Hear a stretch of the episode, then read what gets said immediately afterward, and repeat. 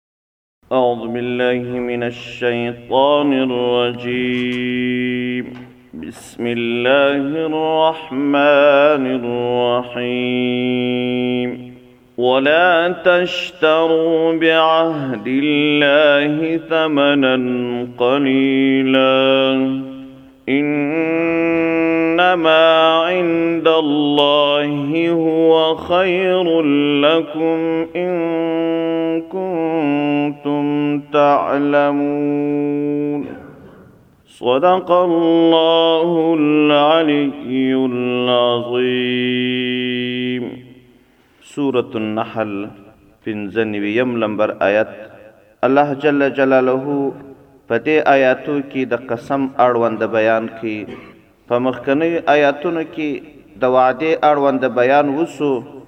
بعضې داسې وعدې وي چې د هغه وعدې د پوره کولو لپاره قسم هم ورباندې ياد سوی وي، د دې قسم اړوند الله جل جلاله داسې بيان کوي، وايي که چيرې تاسو کومه معاهده وکړل او د هغه معاهدې د پوره کولو لپاره مو قسم یاد کړي نو بیا پر تاسو باندې د دغه کار پوره والی لازم دی او که چیرې تاسو د یو څو پیسو یا د یو څه عارضي ګټې په خاطر باندې هغه قسم مات کړي دا به مو غټه غټه اشتباه کړي لوی تاوان به مو کړي ځکه تاسو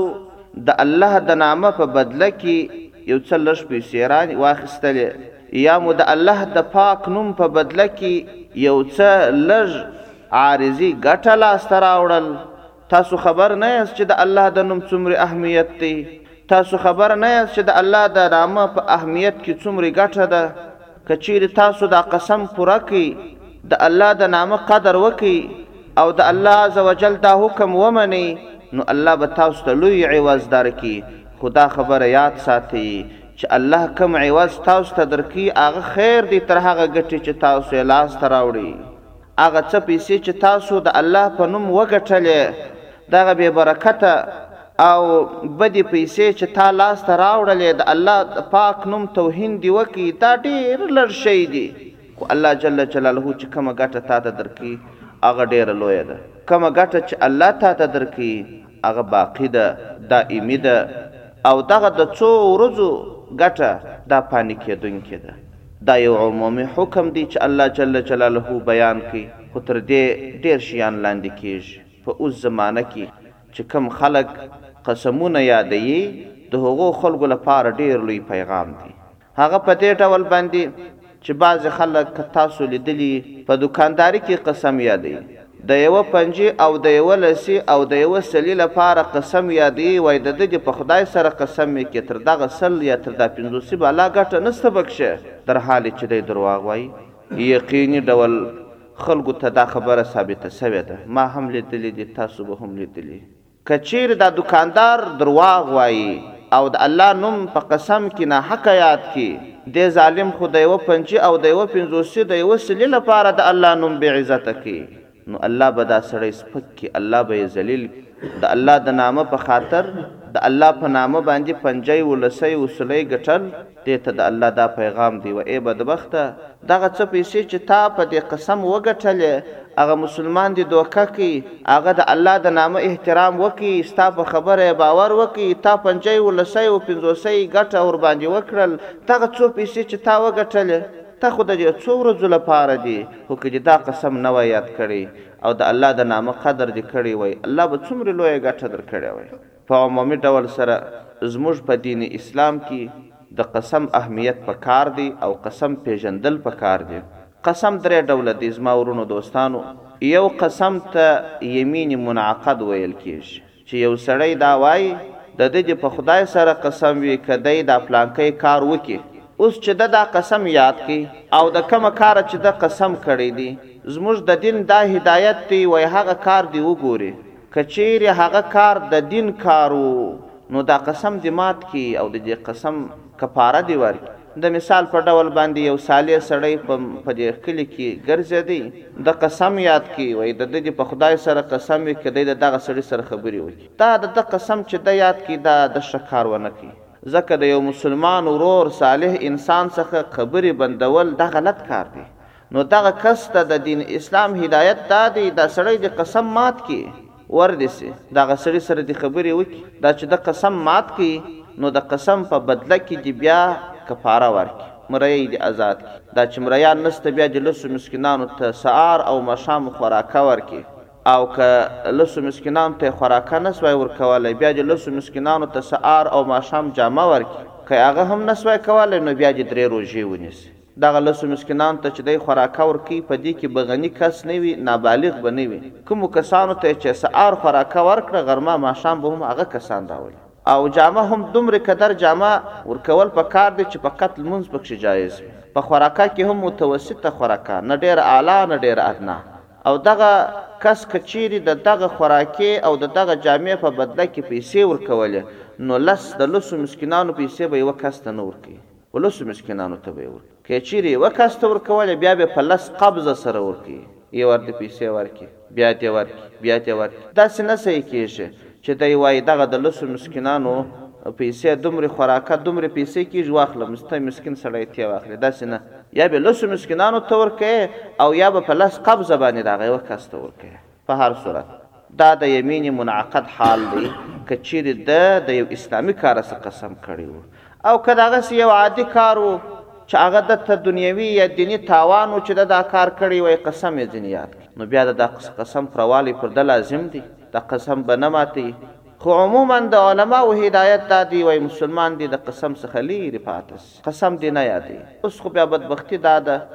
چې دا خلک چې لږ په قهر او په غضب کې راغلي د د قسم پر ځای طلاقونه اچوي څومره مسائل یې چې ماته راځي یا په تلیفونو یا داغسې د قهر او د غضب په حالت کې طلاق راڅخه وویل شو اوس دا طلاق واقع دی که نه دی واقع هلکه نو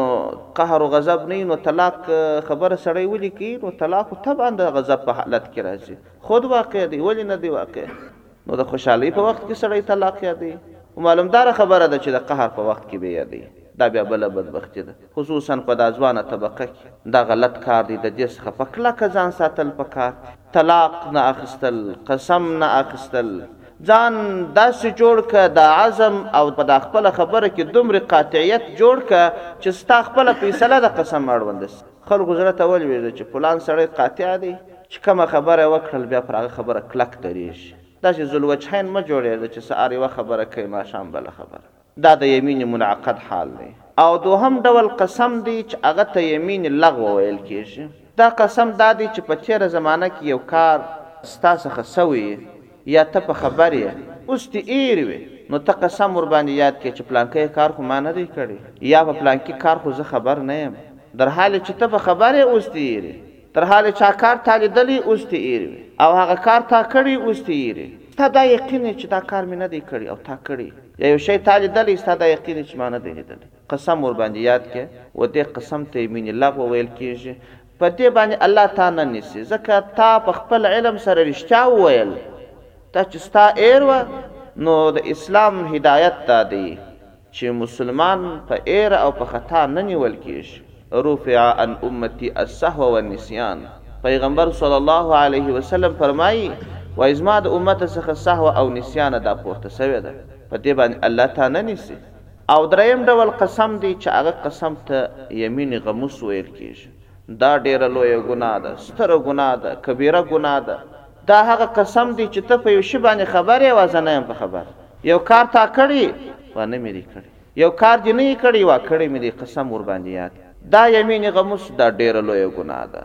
دا دومره لویه ګناه ده چی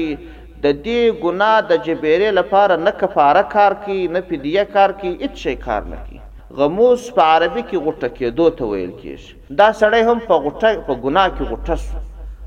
دومره لویه ګناه ده. تاسو به ډیر اوریدلي یی پلانکی سړی قرآن وواهه. قرآن کرامت دی پر چا باندې په دنیا کی دسی اثر کوي هیڅ لری خبره نه ده. دا ډېره لویه خبره ده. اوس نو دا خبره چې تاسو اورېدلې ده، دغه دوکانداران په دا عام ډول چې قسمونه یادوي، دا هر یو یې مینې غموس دی. بعضې څخه مو داسې اورېدلې ده، وايي ځه دا پلانکی کار به قسم ورباندې واخلم، بیا به فدیه ورکړم. یا، فدیه په دې ځای کې کار نه کوي، شل فدیې ورکړې کار نه کوي. فدیه او کفاره د هغه یوه قسم لپاره وه چې منعقد قسم و. دا چې تا په په سترګو باندې یو کار لیدلی دی وانه مې دی لیدلی یو کار دې په خپل لاس کړی دی په یاد هم دی وانه مې دی کړی په یو کار خبر یې وازه نه یم په خبر یو شی ستا نه یې وازما دی دا ټول په یمین غموس کې داخل دي نو یمین غموس ستره ګناه ده د هغه کفاره یوازې توبه کېدلی شي چې ته په کلکه او په حق الله ته توبه وباسې په عموم ډول باندې د علماو څخه ثابته ده وایي یمین غموس خو کبیره ګناه ده هغه خو د یو چا کور تباه ګرځی د الله د نوم توهین. یمین لغو هم مه اخله که ته خبر یې که نه یې خبر چې ستا پر دغسې خبره څوک باور ونه کړي نو قسم ولې ورته یادوې او همدا ډول یمین منعقد هم مه اخلئ څوک چې قسمونه ډېر ډېر یادوي په هغه کور کې به بې برکتي او بې رزقي وي نو لهذا خپل ځان هم داسې عادت جوړ کړئ، قسم مه یادوئ. خپل ماشومان او بچیان مو هم داسې وروزئ چې هغه د قسمونو ډېر ډېر یادول نه کړي، نو دا به ښه خبره وي. او کوم کس چې د قسمو په مټ پیسې ګټي، ګټه لاس ته راوړي، خلک خطا باسي، نو د دې ته، دغه کسانو ته الله دا هدایت کوي، داسې مه کوئ. آیات تور ته وګورئ ولا تشترو بعهد الله ثمنا قليلا ولا تشترو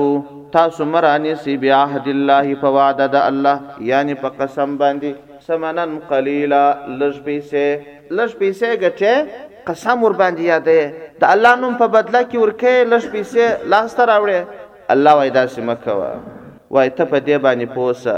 انما نه ده بلکې دا خبره د عند الله په نیز د الله هو دغه شی چې د الله سره دی خیر دا بهتر دی لکم ستاسو لپاره د الله سره چې کوم شی دی چې هغه د الله د نوم عزت دی دا بهتر دی ستاسو لپاره د الله د نامه عزت وساته قسم مه یادوه تر پیسو تیر سه الله عزوجل فرمائی، ما هغه شی عندکم چې په نیز ستاسو دی ینفد دا نیستی کیږي له منځه ځي، وما هغه شی عند الله چې په نیز د الله دی باق هغه باقی دی، نه ختمیدونکی او له منځه نه تلونکی دی. تاسو چې دا څو پیسې یا یو معمولی ګټه لاس ته راوړی دا خو نیستی کیږي د څو ورځو لپاره ده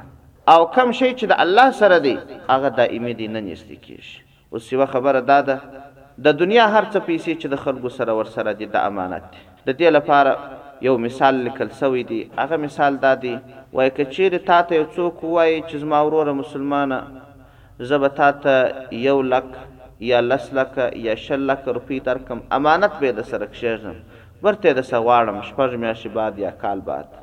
او یو بل کس درته ووایې چې یا زه یو لک روپۍ نه درکوم نه لس لکه درکوم زه روپۍ درکوم بیا نه درڅخه غواړم نو ستا لپاره د دنیا د ګټې په لحاظ کمې ښې دي دا زر درته ښه دي ځکه دا خو ستا شوې بیا یې نه درڅخه غواړي او پر تا باندې به دا کار دروند وي او کوم شی چې د اخرت ګټه ده د دوو رکعاتو نفلو معاوضه ده یا د څو تسبیحاتو معاوضه ده هغه دایمي شی دی هغه له منځه نه ځي. نو الله عزوجل درته فرمايي، وايي، کوم شی چي الله تاته درکوي هغه باقي دی، دا د دنيا نظام او د دنيا د نظام له پاره کومي پيسې دا امانت دي ستا د پاره فقط يو بوج دی حساب ئې درسره کيږي نور نو ستا دايمي شی نه دی نو ستا خوښه ده. ما عندکم ينفد وما عند الله باق وما هغه شی عندکم چې ستاسو سره موجود دی تاسو ته په لاس درځي د دنیا څخه ساز او سامان ځینې مراد دی ينفد نږدې کیږي وما هغه شی عند الله چې په نزد الله باق هغه دائمي دی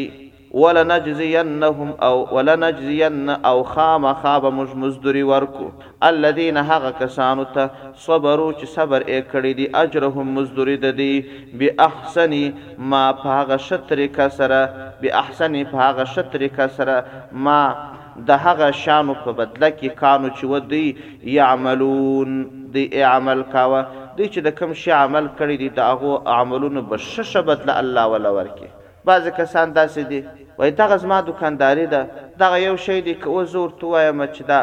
پاکستانی دی هيڅوک يې نه راسره رانيسي او که ورته ووايم جاپانی دی خلک يې راسره رانيسي، اوس نو زه که درواغ نه ووايم دا زما سودا هيڅ نه کيږي زه څنګه وکړم يا دغه شی دی چې قسم ورته ياد نه کړم هيڅوک يې نه راسره رانيسي، نو مسلمان وروره دا ستا ځای د امتحان دی پروا نه کوي ستا دوکانداري دې نه کيږي. ستا سودا دې نه کېږي. اول خو الله ستا د دا تکلیف بدله په دنیا کې الله تا ته درکړي، تا ته یو بله لاره پیدا کړي، ته کلک ورته ودرېږه. یوه خبره دا او دوهمه خبره دا ده چې الله جل جلاله په دې آیاتو کې فرمایي. وایي، ښه بدله به الله تاسو ته دله درکړي، دا چې تاسو صبر وکړئ، تکلیف مو وګالئ، الله جل جلاله به یې بدله دله درکړي. ولنجزین الذین صبروا اجرهم. خامخا به موږ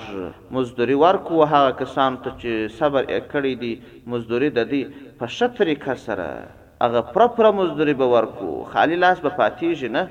من عمل صالحا من ذکر او انثی وهو مؤمن فلنحیینه حیاة طیبة. الله عز وجل فرمائی، من هغه څوک عمل چې عمل وکړي صالحا صالح عمل وکړي من ذکر د نارینه وو څخه وي او انثی او که ښځینه وي من ذکر د نارینه څخه وي یعنې نارینه وي او انثی که ښځینه وي او وهو مؤمن او دغه کس مؤمن وي. فلنحیینهم پس خامخا به موږ ژوند ورکړو هو دغه کس ته حیاتا طیبا ژوند نیک. ولنجزینهم او خامخا به موږ مزدوري ورکړو هم دغسې کسانو ته اجرهم مزدوري د دوی باحسن په هغه ښه طریقه سره ما د هغه اعمالو په بدله کې کانو چې وه دوی یعملون دوی کړي دي دوی چې کوم اعمال کړي دي د هغو عملونو په بدله کې به موږ پرپره مزدوري ورکړو دا یوه خبره. او بله خبره دا ده چی څوک نیک عمل کی که نارینه یی که ښځینه یی الله وایی موږ به حیات طیبه ور د دغه حیات طیبه په تفسیر کی مفسرینو بیلا بیلی خبری لیکلی دی چی څوک صالح عمل کی صالح عمل پیژنئ صالح عمل څه ته وایی الله چی د کومو شیانو امر درته کړی دی هغه په پوره ډول عملی که الله تعالی چی د کومو شیانو څخه منع کړی د هغو څخه منع وه دا صالح عمل دی. دا چې ته به لابود عبادت کوې یا نه کوې هغه کې خبره نه ده یا فقط او فقط چې ته د فرائض پوره کې د نواهیو څخه ځان وساتې چې به لابود عبادت ته هیڅ نه کړی ته په صالحینو انسانانو کې یې د دې فرائضو د دې ثواب تر دې نفلي عباداتو ډیر دی ټول لمونځونه په صحیح ډول پوره کول روژه نیول که حج فرض وي یا زکات لازم وي هغه ورکول. او صله رحمي دا هم د فرائضو څخه ده دا کول. د همسایه حق هم د فرائضو څخه دی. د مور او پلار خدمت هم د فرائضو څخه دی دا پوره کول. د حرامو کارونو څخه لکه غلا، درواغ، غیبت، زنا، فحش د دې ټولو څخه ځان ساتل. بس دا صالح انسان دی. چا ته ازار نه رسول، د چا حق تر پښو نه لاندې کول، د چا توهین نه کول، د هر چا حق په خپل حیثه ادا کول، د حسد و د عناد څخه ځان ساتل. دا شیانو څخه چې ځان وساتې، ته صالح انسان یې. نو څوک که صالح عمل وکړي، صالح انسان جوړ شي، الله تعالی فرمایي، وایي موږ به حیات طیبه ورکړو. د حیات طیبه مانا څه ده؟ حیات طیبه څه شي دی چې الله یې ورکوي؟ يو تفسير دا دی چې الله جل جلاله به حيات طيبه ورکړي، په دنيا کې به خوږ ژوند ورکړي، خوږ ژوند دی به د بل د بې عزتۍ، د بل د سپکاوي، د بل د بل د ګرېوان نيولو، د بل د فسادو د فتنو، د داسې مسکنته څخه چې دی به پوروړی، خلک به پيسې ځينې غواړي، دی به بې عزته کوي، د دې څخه به خلاص وي. بلال رضي الله عنه فرمايي، ما به د پيغمبر عليه السلام لپاره د خلکو څخه پيسې اخيستلې، بیا چه پیغمبر علیه السلام ته څه شی موجود سو هدیه او صدقې صدقې پیغمبر علیه السلام خپله نه اخستلې نورو صحابه وو ته ئې ورکولې هدیه چه به راغلې هغه به مو بیا و هغه کس ته د دې پور په بدله کي ورکولې نو دغه سلسله روانه وه ما د یو کافر څه پور کړی و ناببره هغه کافر راته ودرېدی ول راته ویل ای مرییه ای توریه تک تورو دی وچ کلک به زما پیسې نن راکې کنې زه به تا بندي کړم. نو ډېر حيران وم، ډېر ديغ وم چې اوس نو دې ظالم ته څه وايم؟ پيغمبر عليه السلام ته مې وويل، پيغمبر عليه السلام په جواب کې راته وويل چې الله عزوجل به چاره د دې کار چاره وکړي. نو وايي سهار وختي وو که مې کتله بار اوښي وې، په هغه کې بارونه وه، پيغمبر عليه السلام زه راوغوښتلم چې دغه هديې راغلي دي د کوم لوري څخه، بس ژر دغه کس پور ورکړه. ته اصلا رزق من حیث لا یحتسب وو چې الله پیغمبر علیه السلام ته راولیږی دا چې هغه کس ظالم راتلی بلال رضی الله عنه ته یې سختې خبرې کولې دا په حقیقت کې خو د پیغمبر علیه السلام ته سختې خبرې وې ځکه دا کور خو د هغه لپاره شوی وو نو که چیرې تا عمل صالح کاوه دغسې مسکنت درباندې رالی الله به حیات طیبه درکړي دغسې به دې مشکلات الله تعالی حل کړي. یو تفسیر دا سوی دی چی حیات طیبه د دې څخه مقصد د اخرت ښه ژوند مراد دی. بل تفسیر دا سوی دی چی حیات طیبه دا دی چی الله به ستا سینه خلاصه کړي، ستا سینه چی خلاصه سول ستا په سینه کی به ددین بیلابیل علوم موجود وي او که چیري ستا سره تقوا موجوده نه وي علم ستا په سینه کی نسي راتللی ځکه دا علم يو نوراني شی دی په نوراني زړه کې راځي. تقوا د علم لپاره لازمه ده. که چيري احيانا داسي چا ته علم رالی چې هغه بې تقوا وو د هغه د علم څخه بيا څوک ګټه نه سي پورته کولای. نه به پر چا اثر لري، نه به چا ته يې فايده رسيږي، نه به يې څوک مسائل زده کولای سي، نه به يې عملي کولای سي. نو ته صالح عمل وکړه الله به دې سينه د نوره در ډکه کړي او بيلا بيل علوم به دي الله تعالی ځني له راولي يو تفسير د حيات طيبه دا سوي دي چي الله به تا ته نيک ژوند در کي ستا په وجود کي به داسي نورانيت وي چي کوم کور ته ورسې په کور کي به برکت وي د چا سره چي ووينې ستا په ليدلو به خلک خوشحاله کيږي او که ناصالح وې که څه هم هر څومري پيسې ولرې هر څومري نوم و نښان و مقام و منزلت ولرې مګر کله چې یو کور ته ورشې، په هغه کور کې به خامخا تاوان پېښېږي. کله چې یو کور ته ورشې، حتماً به په هغه کور کې یو مشکل پېښېږي. ځکه خو ته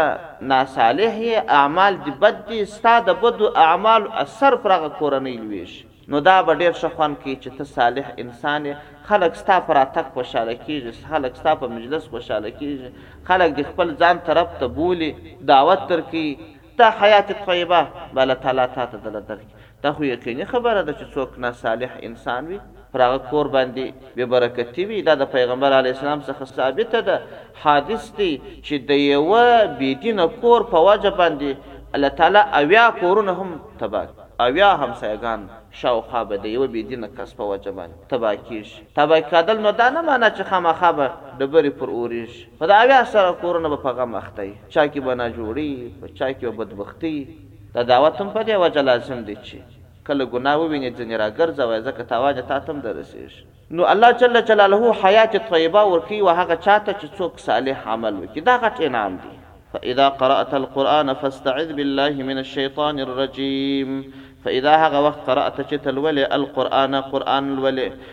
فاستعذ پس ته پناه وغواړه بالله په الله سره من الشیطان الرجیم د هغه شیطان رټل سوي څخه شیطان رټل سوی دا د پیرانانو د جملې څخه یو قوي ترین مخلوق دی ډیر زیات قوت والا دی د انسان په رګو کي لار لري او انسانان ډیر دوکه کوي په اوویشتمه سپاره کي الله جل جلاله یادونه کړې ده چي د دا سپین سترګي او بې دینه مخلوق د الله تعالی په حضور کې الله ته قسم یاد کړي ول فبعزتک لاغوینهم اجمعین او کما قال الله تعالی ول یا الله ستا په عزت دې مې قسم وي چې دا د ادم اولادونه به زه چې زما وس وسي زه به یې ګمراه کوم نو دا یو قوي ترین مخلوق دی ستا د دوکه کولو لپاره بېلابېل تدبیرونه بېلابېلې لارې سنجي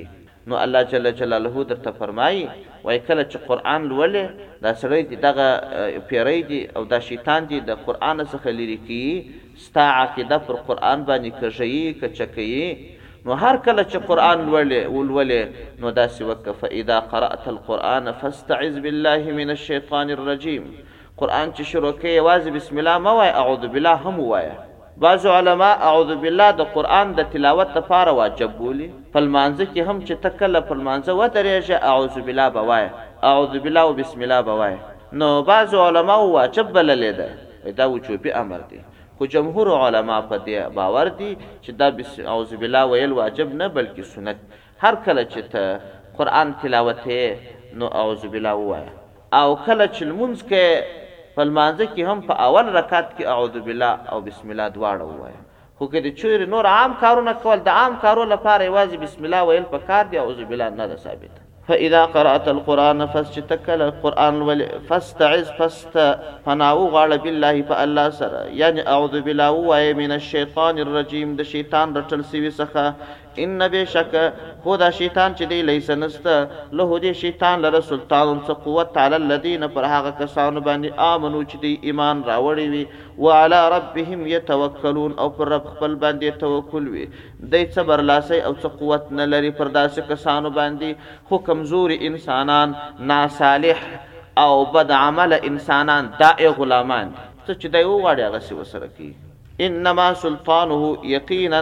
قوت د ده، واکمني د ده، علی الذین پر هغه کسانو باندې ده، یتولونه چې د ده سره دوستي کوي، د ده اطاعت کوي، او والذین او د هغه کسانو سره چې هم دوی، به، په دې الله سره، مشرکون مشرکان وي یا ئې دی د الله سره شریک جوړ کړي، دی د الله سره شریک جوړول څنګه؟ یعنی دا چې دی څه امر ورته کوي هغه هم مني، په کار خو دا ده چې سړی د الله امر ومني، دا چې دی د شیطان امر مني نو ده د شیطان د الله سره شریک جوړ کړی دی. سبحان ربک رب العزة عما یصفون.